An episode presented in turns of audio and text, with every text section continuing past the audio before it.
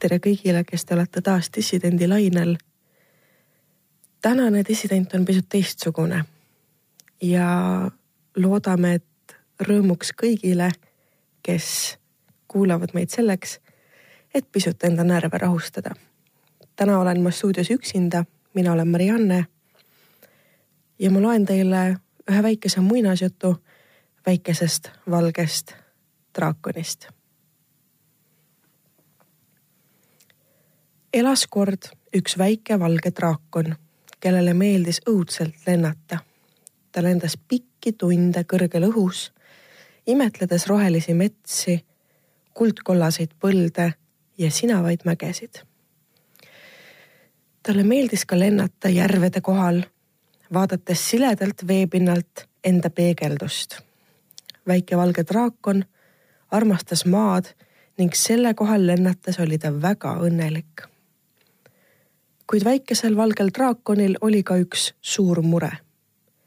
nimelt ei olnud ükski teine draakon valge. kõik teised olid mustad ja rohelised ja punased ja kollased ja kuldsed ja hõbedased ning purskasid ka musta ja rohelist ja punast ja kollast ja kuldset ja hõbedast tuld. väike valge draakon oli aga valge ja purskas valget tuld. teised draakonid narrisid teda sellepärast ja selle peale oli väike valge draakon sügavalt õnnetu. siis ta pidi mitu tundi ilusa maa kohal lendama, enne kui ta jälle suutis õnnelik olla. ühel päeval jälle, kui väikest valget draakonit oli narritud, istus ta õnnetult kivi peal ja nuttis. miks nad küll mind narrivad? see ei ole üldse hea, kui sind narritakse nuuksus väike valge draakon. kivi oli küll päikese käes soojaks läinud ja seda kattis kena roheline pehme sammal. aga see ei teinud draakoni tuju paremaks. ta puhus samblale tuld peale ja jälgis tujutult, kuidas see valge leegiga põles. miks pean mina olema valge draakon? kui ma oleksin punane nagu õun või roheline nagu see sammal või kuldne nagu päike, mis seda kivi on soojendanud, siis mind ei narritaks. siis aga tuli väikesele valgele draakonile mõte. kui õige läheks maaisa juurde, tema oskab mind kindlasti aidata. lend maaisa juurde võttis mitu päeva aega ning kui väike valge draakon ära väsis, keris ta end kastanipuu oksa ümber kerra ja magas lõpuks oli väike valge draakon jõudnud maaisa mäeni. maaisa istus mäetipus mugava puutooli peal, sõrmitses oma kannelt ja laulis. väike valge draakon potsatas maaisa õlale ja tahtis juba oma muret kurtma hakata. aga ta jäi korraks laulu kuulama.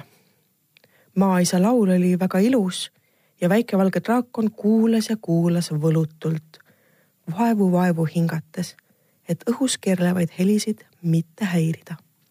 üles vaadates nägi ta imestusega, et kõrgel mäekohal muutusid helid väikesteks valgeteks pilvedeks, mis aeglaselt eemale hõljusid. kui laul oli lõppenud, istus väike valge draakon veel tükk aega maaisa õlal, laulu ilust uimastatud. maaisa sõrmitses sel ajal vaikselt kannelt ja muigas oma pikka valgesse habemesse lõpuks hakkas väike valge draakon rääkima. ta jutustas oma õnnetusest, sellest, kuidas teised draakonid teda sellepärast narrivad, et ta valge on. miks ma ei võiks olla hoopis punane või roheline või kuldne draakon, küsis väike draakon õnnetult. maaisa naeratas rahulikult ja ütles. tea, väike valge draakon, et sa oled väga eriline draakon seda kuuldes läksid väikese valge draakoni valged silmad natukene suuremaks ja säravamaks. nimelt valge on headuse ja õnne värv. valgeid draakoneid on väga vähe ja nad on maailmale ja inimestele väga suureks kasuks. sest kui sina lendad maa kohal ja imetled metsade ja järvede ja põldude ilu, siis väikesed lapsed all maa peal näevad unes sinu lendu ja näevad, kui ilus maailm on. ja kui nad üles ärkavad, siis on neil meeles see, kui ilus maailm unes oli ja nad vaatavad ringi ja näevad, et maailm on tõesti nii ilus. ja seda teadmist kannavad nad endaga kogu elu kaasas.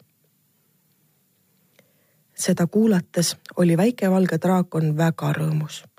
ta hüppas õhku, tegi kümnekordse kukerpalli ja lendas viuhti minema, unustades maaisa isegi tänada.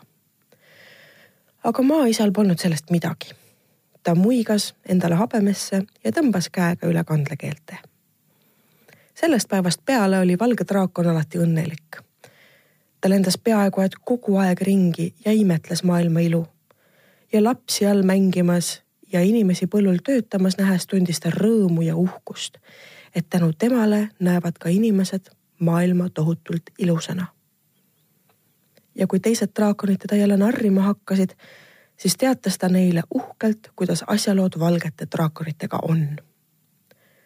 aeg läks ja väikesest valgest draakonist sai suur valge draakon, kellele ikka meeldis lennata kõrgel taevas, roheliste metsade ja kollaste põldude ja siniste mägede kohal. aeg läks ja suurest valgest draakonist sai vana valge draakon. Kuna ta oli väga vana, siis ta enam palju lennata ei jõudnud. aga ta istus kõrgel mäetipus ja vaatas enda ümber laiuvaid metsasid ja niitusid. ainult üks asi tegi talle kerget muret. kui tema igavesse unne suikub, kes siis inimestele maailma ilu näitab? lõpuks oligi käes päev, kui vana valge draakon tundis, et see on tema viimane. Ta istus oma mugaval, samblaga kaetud asemel mäetipus ja vaatas päikesest üle kullatud puid ja taimi. ja tal jooksis üle põse pisar, sest ta oli õnnelik. tal oli olnud ilus elu. kui ta hakkas silmi viimast korda sulgema, vupsas lähedal asuvast põõsast välja üks väike valge draakon ning kihutas valge noolena kõrgele taevasse. seda nähes vana valge draakon naeratas ja sulges silmad ja nüüd loen teile ette ühe teise loo, mille peategelaseks on samuti üks loom. jah. Äh, pealkiri kuidas kass andeks andis. ühel väikesel tüdrukul oli kord üks väike must kass, kellega tüdrukule meeldis väga mängida. Kahjuks oli tüdruk ettearvamatu ja kass sai tihti haiget lõpuks ei suutnud kassike enam kiusamist välja kannatada ning ei tulnud enam tüdruku sülle magama või tema kutsumise peale jalgade ümber tiirlema. tüdruk oli väga pahane ja solvunud. tule siia, käskis tüdruk kassi, kuid too ei pööranud peadki. tüdruk läks kassi juurde ja lõi teda vastu nina. paha, paha kass. Kass hüppas selle peale kapi otsa ning tüdruk ei ulatanud teda enam puudutama vihane tüdruk läks kööki ja tõi sealt ähkides ja puhkides ühe tabureti, ronis tabureti peale ja ulatus nüüd kassini. ta tiris kassi sabast ja hüüdis. tule kohe alla, paha kass. kass tõmbas enda saba tüdruku käest lahti ja hüppas läbi lahtise akna õue ning lippas õunapuu otsa. Tüdruk jooksis talle õue järgi ja proovis puu otsa ronida, kuid ei suutnud. tule kohe alla, nõudis väike tüdruk, aga kass ei pööranud peadki tüdruk hüppas tema poole, aga ei ulatunud kohe kuidagi kassini. tule alla, jonnis tüdruk, aga kass keris end vaid mugavamalt õunapuu oksa peale kerra. tüdruk jooksis nuttes tuppa ja läks ema juurde. emme, emme, kass ei tule minu juurde. Aga miks ta siis ei tule, küsis ema imestunult. Te saate ju omavahel nii hästi läbi. kass jooksis ära, kui ma temaga mängisin ja ei tule nüüd puu otsast alla, kurtis tüdruk äkki sa tegid talle haiget, küsis ema.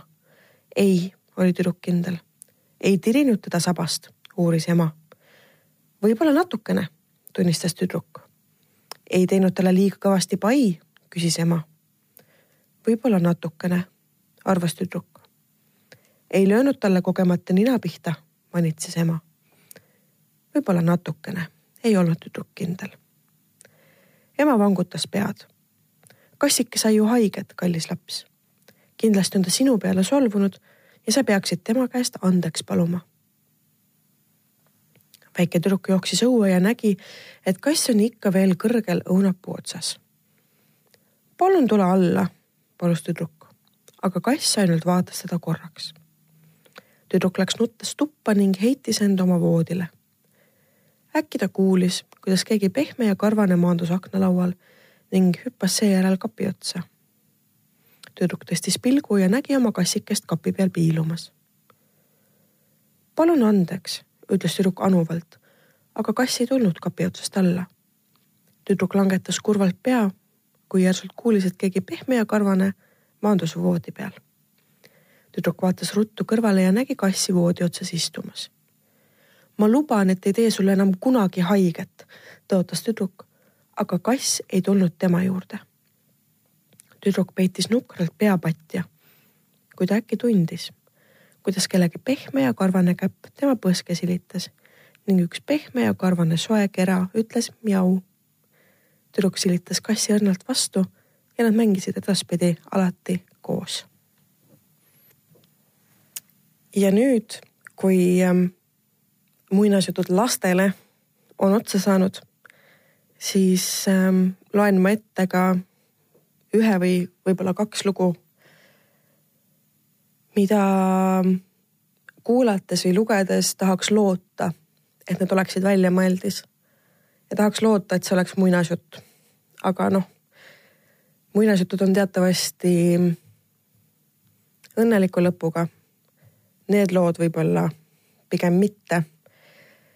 Need lood on pärit seeriast Mina ka ja avaldatud kõigepealt äh, Feministeeriumi lehel. ja need lood on koledad. Need lood on äh, väga koledad, need lood on vähem koledad kui mõni teine.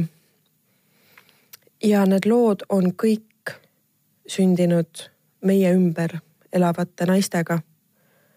Need äh, teod on tehtud meie emadele, tädidele, õdedele, tütardele ja ütleme nii, et neid asju ei ole lihtne ette lugeda, sest see maailm ei tohiks niimoodi toimida, kui ta praegu toimib. aga alustame feministeeriumi seeria Mina ka lugu number viiskümmend seitse tüütuid nilbikuid olen varateismelisest saadik eemale pidanud peletama. ja hilistes kahekümnendates õppisin lõpuks, et see on täiesti okei okay,, kui keegi mind mõrraks peab, sest ma ei lase ennast käperdada. selleni läks aga aastaid aega, hulga meeldida sooviva iseloomu mahasurumist ning meeletus koguses süütundest ülesaamist. minu esimene kord oli selline, mis vist ka seaduse järgi päris okei okay ei ole kuna mina olin kolmteist ja poiss umbes kuusteist. aga tegelikult ma kordagi ju ei, ei öelnud. asi algas nii, et olime ühisel reisil suure hulga eestlastega ja mulle meeldis üks poiss, kes meeldis ka sõbrannale ja tollele poisile meeldis ka sõbranna. Hängisime väikese grupiga õhtul koos, kuni teine tüdruk otsustas, et tema läheb oma tuppa magama pärast seda pööras too poiss lõpuks oma tähelepanu minule ja kutsus koos pingsi mängima ma arvasin, et kui täiega veab, siis saab natuke ka suudeldud. noh, selline tavaline hormonaalse tiineka unistus.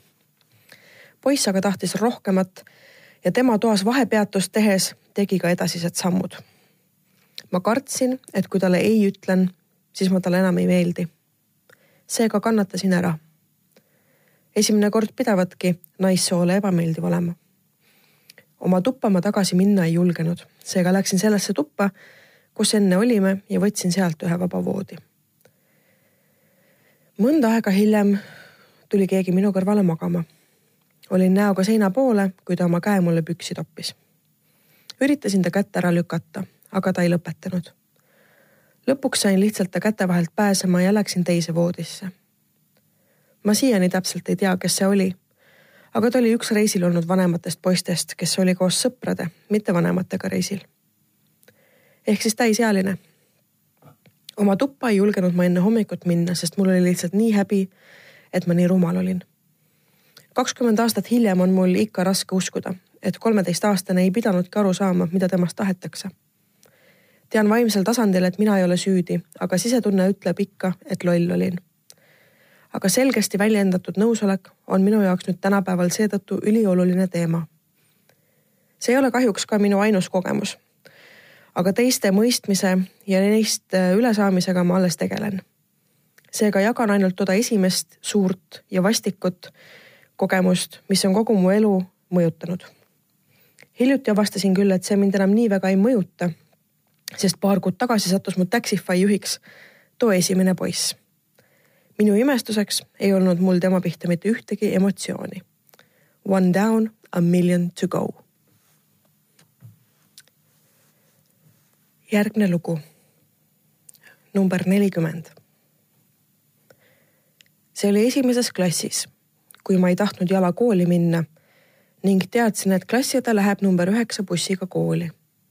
Teadsin, et kodu juures on üks number üheksa peatus.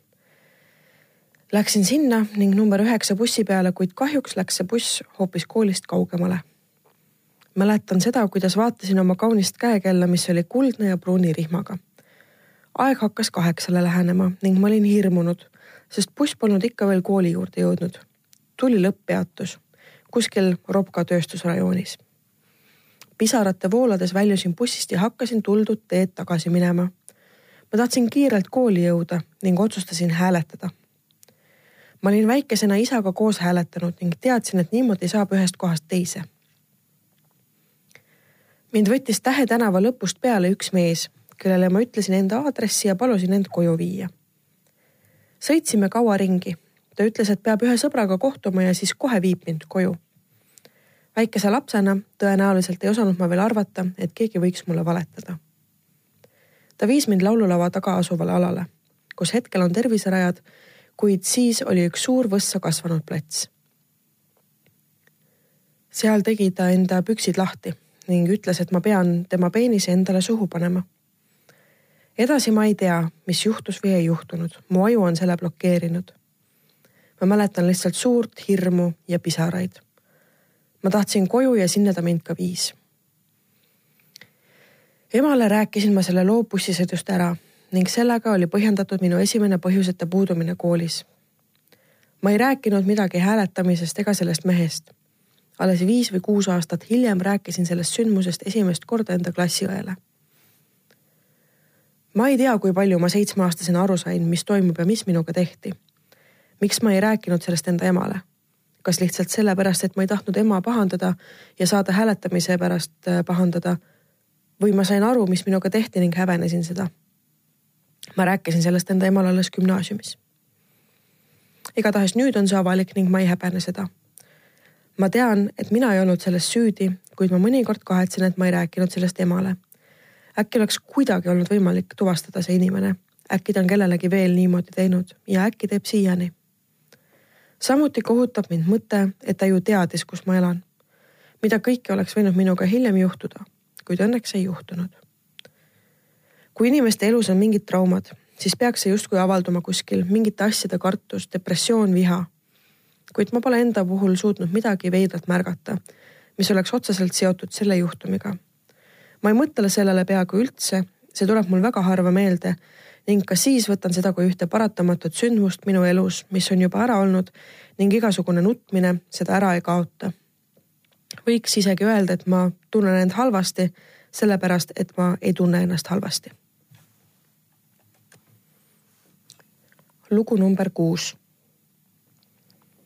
tudengipõlvest.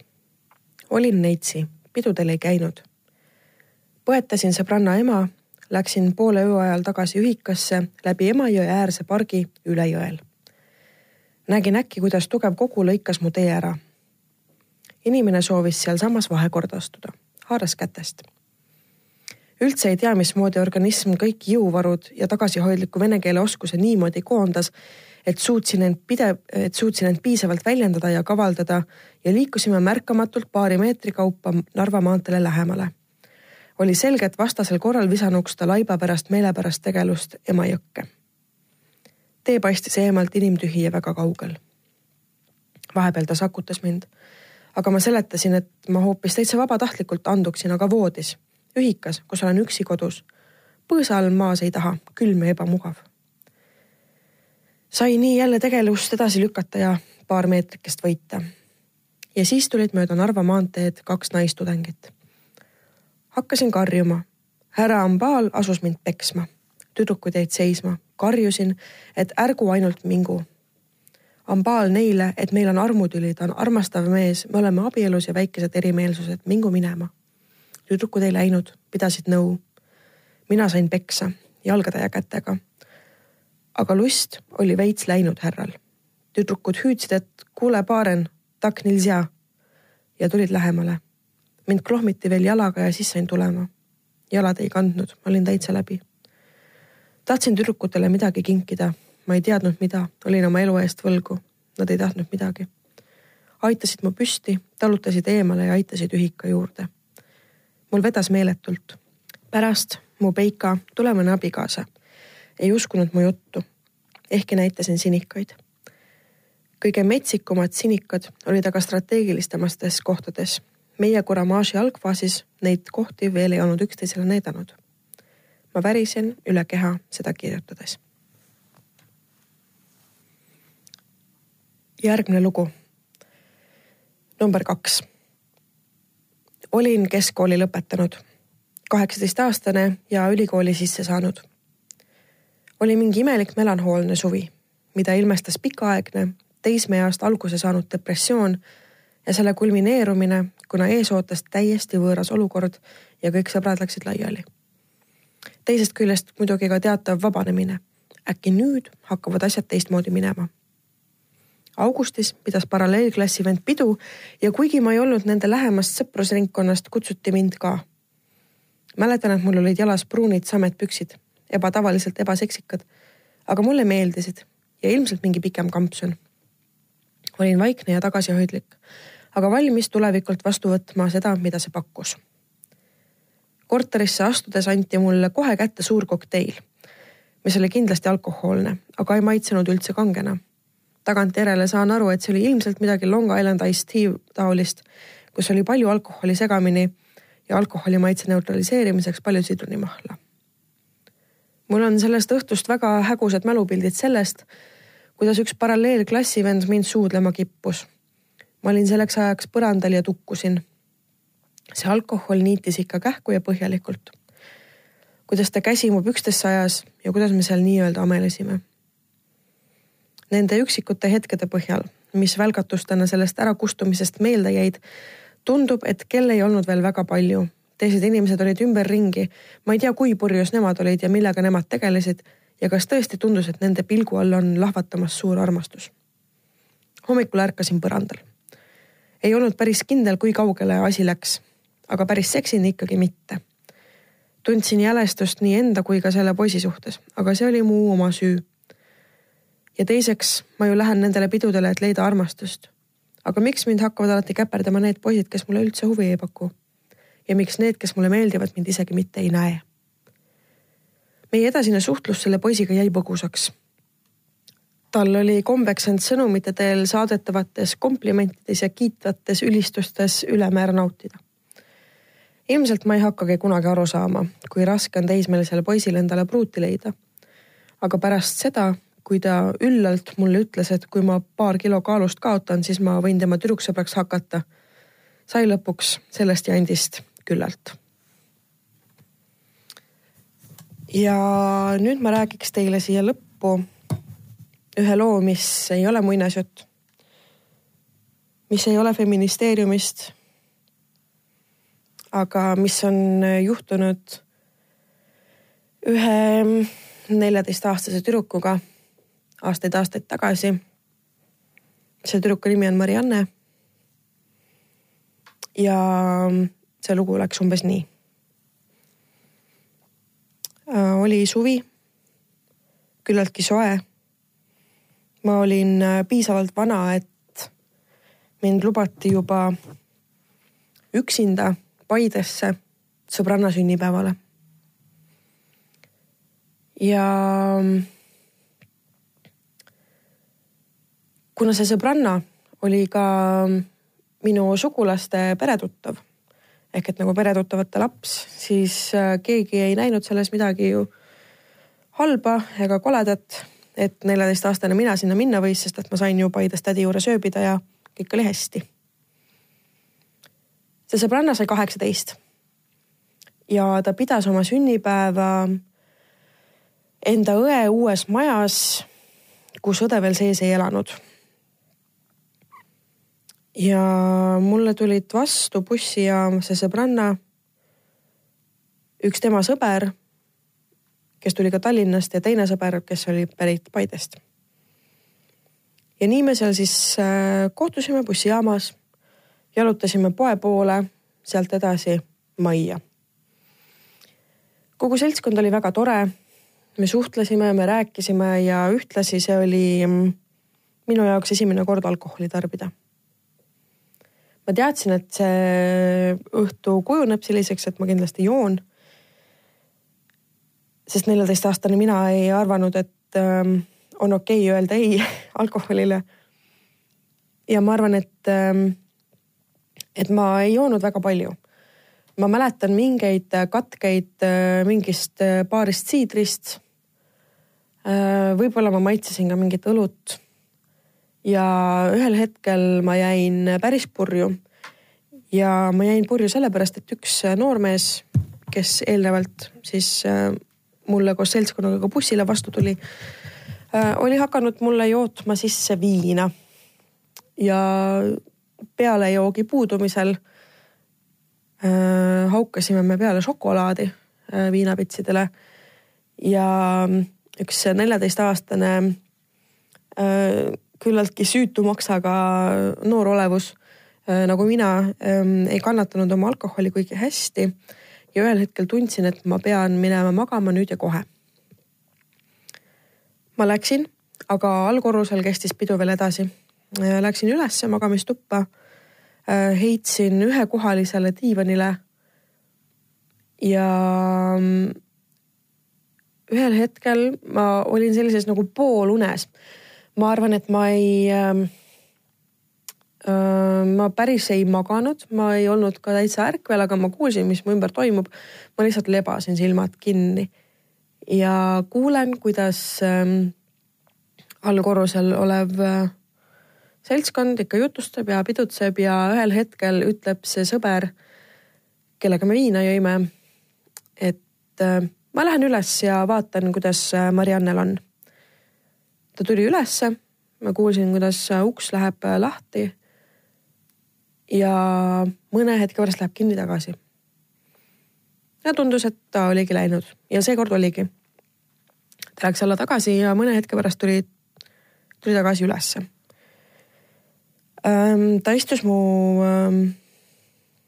voodiservale. ja ma ei tea, kui kaua ta seal lihtsalt niisama istus kuni äh, ühel hetkel ta äh, äratas mu üles. Äh, ja ütles, et ma paneksin oma pea talle sülle. ja seda ma tegin, sest ma olin neliteist ja väga purjus ja tahtsin meeletult magada. ja ma magasin edasi, kuni ma ärkasin ühel hetkel selle peale, et ta suudles mind ja see oli äh, minu esimene suudlus. ma olin täiesti purjus. Ähm, see poiss oli minust vanem, ma arvan, kolm-neli-viis, kolm, kolm-neli aastat võib-olla. ja seal ta siis nagu istus ja suudles mind. mina suurt midagi aru ei saanud. ja üritasin ikkagi nagu asja sihtida sinnamaale, et ma saaksin rahulikult magada, et ta mind rahule jätaks. ja ma tuletan teile meelde, et see oli ühekohaline diivan selles mõttes, et noh, ma tollal olin võib-olla selline meeter seitsekümmend pikk. et mina nagu vaevu mahtusin jalad sirgu seal olema. ja ega tal laiust ka nagu justkui väga palju ei olnud. ja nii ma seal äh, olin kuni ta lihtsalt pressis ennast minu kõrvale. me magasime seal kui äh, see noh äh, nagu mingi ähm, inimtandem või ma ei tea, ühesõnaga ta oli lihtsalt klammerdas ennast minu külge täiesti äh, füüsiliselt kinni. üritas ameleda, üritas mind käperdada, terve see öö oli väga ebameeldiv mu jaoks, kuni hommikul kella seitsme paiku koputas mulle keegi õlale. Tegin silmad lahti. ja mm, mu näo ees oli äh, mundris meesterahvas kes ütles Eesti politsei, palun ärgake, näidake dokumenti. ma ehmusin selle peale päris korralikult üles ähm,. näitasin neile oma dokumenti. tuli välja, et noh, ega nad minust midagi ei tahtnud, nad otsisid lihtsalt mõnda paari härrasmeest, kes seda pidu olid väisanud sel ajal, kui mina juba ammu magasin, kes olid tegelikult tagaotsitavad. ja siis ähm, kuna kellaaeg oli juba ka paras, et äh, asuda taas äh, siis tädi poole teele äh,, hakkasin ma ära minema ja muidugi see noormees tuli minuga kaasa. ja noh, ütleme nii, et no eks me jalutasime ja eks ma olin selline neliteist ja, ja võib-olla isegi nagu natukene õnnelik selle üle, et keegi mulle tähelepanu pööras, sest et varasemalt ei olnud mul ühegi noormehega mitte mingisuguseid kogemusi olnud. ja selliseks ühepäevaseks nii-öelda romansiks see jäigi, kui me veel õhtul käisime jalutamas mööda Paidet ja siis mind koju saates pärast äh, no ütleme siis nii, et pärast kahekümne nelja tunni pikkust puh-, äh, tutvust Äh, teatas ta mulle, et ta armastab mind. ja sellest ajast peale on mul nende kolme sõna vastu tohutu allergia. sest et isegi neljateistaastane Marianne sai toona aru, et that guy is full of shit. ja see inimene, kes või noh, see mees, kes neljateistaastast tüdrukut äh, suudleb ja teda käperdab, kui ta on purjus ja magab ja on unresponsive ja peaaegu võimatu vastupanu osutama, ei ole see mees, kes seda inimest päriselt armastab. ja mõned aastad hiljem, no okei okay,, mitte mõned aastad hiljem, vaid umbes kümme aastat hiljem, võib-olla isegi kaksteist aastat hiljem. Tinderis äh, match isin ühe noormehega, kes tundus kuidagi tuttav. ja mm, ma rääkisin temaga juttu ja siis ühel hetkel mul koitis, kui ma lisasin või kui tema lisas mind äh, Facebookis sõbraks. et see on seesama mees või noh, see on, see on seesama tüüp, kes äh, aastaid tagasi minuga äh,, ma ei tea, ühepoolselt suhtesse astus ja mm, ma vist isegi ütlesin talle, et äh, ühesõnaga me saime nagu aru, et me oleme varasemalt kohtunud ja, ja mina sain aru, et ta ei ole ähm, minu tüüpi meesterahvas. ja meie teed läksid jälle üsna kergesti, nagu üsna kiiresti laiali. ta küll üritas väga ja tahtis väga minuga suhelda, aga aga isegi kui ma päris neljateistaastasena aru ei saanud, et, et see lähenemiskatse oli nii kohutavalt rõve siis nüüd ma saan sellest aru ja see äh, tekitaski mul kõige suurema sellise mentaalse ploki. et isegi kui ta nüüd on tore inimene, võib-olla ta oli siis ka tore inimene, ma ei, ma ei tea, ma tundsin teda nii vähe. siis äh, see õhtu ja see sündmus ja need, äh, see kulminatsioon oli minu jaoks äh, vastuvõetamatu ja ennekõike mõtlesin ma sellele, et mida ma räägin enda sõpradele, et aa jaa, et see siin on, ma ei tea, Toomas. me tutvusime siis, kui ma olin neliteist ja ta äh, mind, äh, ma ei tea, molestis, kui ma olin purjus ja passed out. aga nüüd me oleme õnnelikus suhtes. et kuidagi see käis minu väärtushinnangutele kohutavalt vastu. ja ja see on lugu sellest, kuidas ma ühte tüüpi ghost isin ehk et ma lõpetasin temaga igasuguse suhtluse ära ja ja ei ähm,, ei andnud talle märku, et ma oleksin huvitatud temaga edasi suhtlemast. aga äh, meie väike spetsial episood äh, lugude rääkimisest äh, on lõpukorral.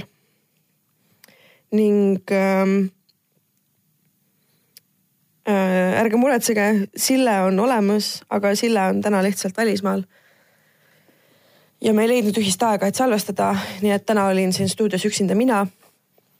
kui teil on äh, samasuguseid lugusid, nagu ma täna rääkisin, kui teil on äh, toredaid lugusid, kui teil on suuri armastuslugusid või kui teil on äh, täiesti keskpäraseid lugusid, mida te arvate, et mis võib-olla ei ole tähtsad, siis pange need kirja. Ja saatke need äh, dissident.ekspressmeedia.ee ja me loeme igat kirja, mis meile saadetakse, me oleme väga tänulikud tagasiside eest. aitäh, et te meid meeles peate. aitäh, et te kirjutate Facebooki, Instagrami. aga ah,, mitte aga, vaid ma tahtsin lihtsalt öelda, et, et vabandust, kui tänane episood ei olnud ähm, äh, kõhtu valutama panevat Äh, panevalt naljakas või äh, humoorikas. et see oli pisut äh, natuke rohkem mõtlemapanev, ähm, natuke võib-olla valusam, natuke võib-olla ausam. ja nagu ikka, Tšutšu Frei, thanks, et olemas olete, kirjutage meile ja kohtume juba varsti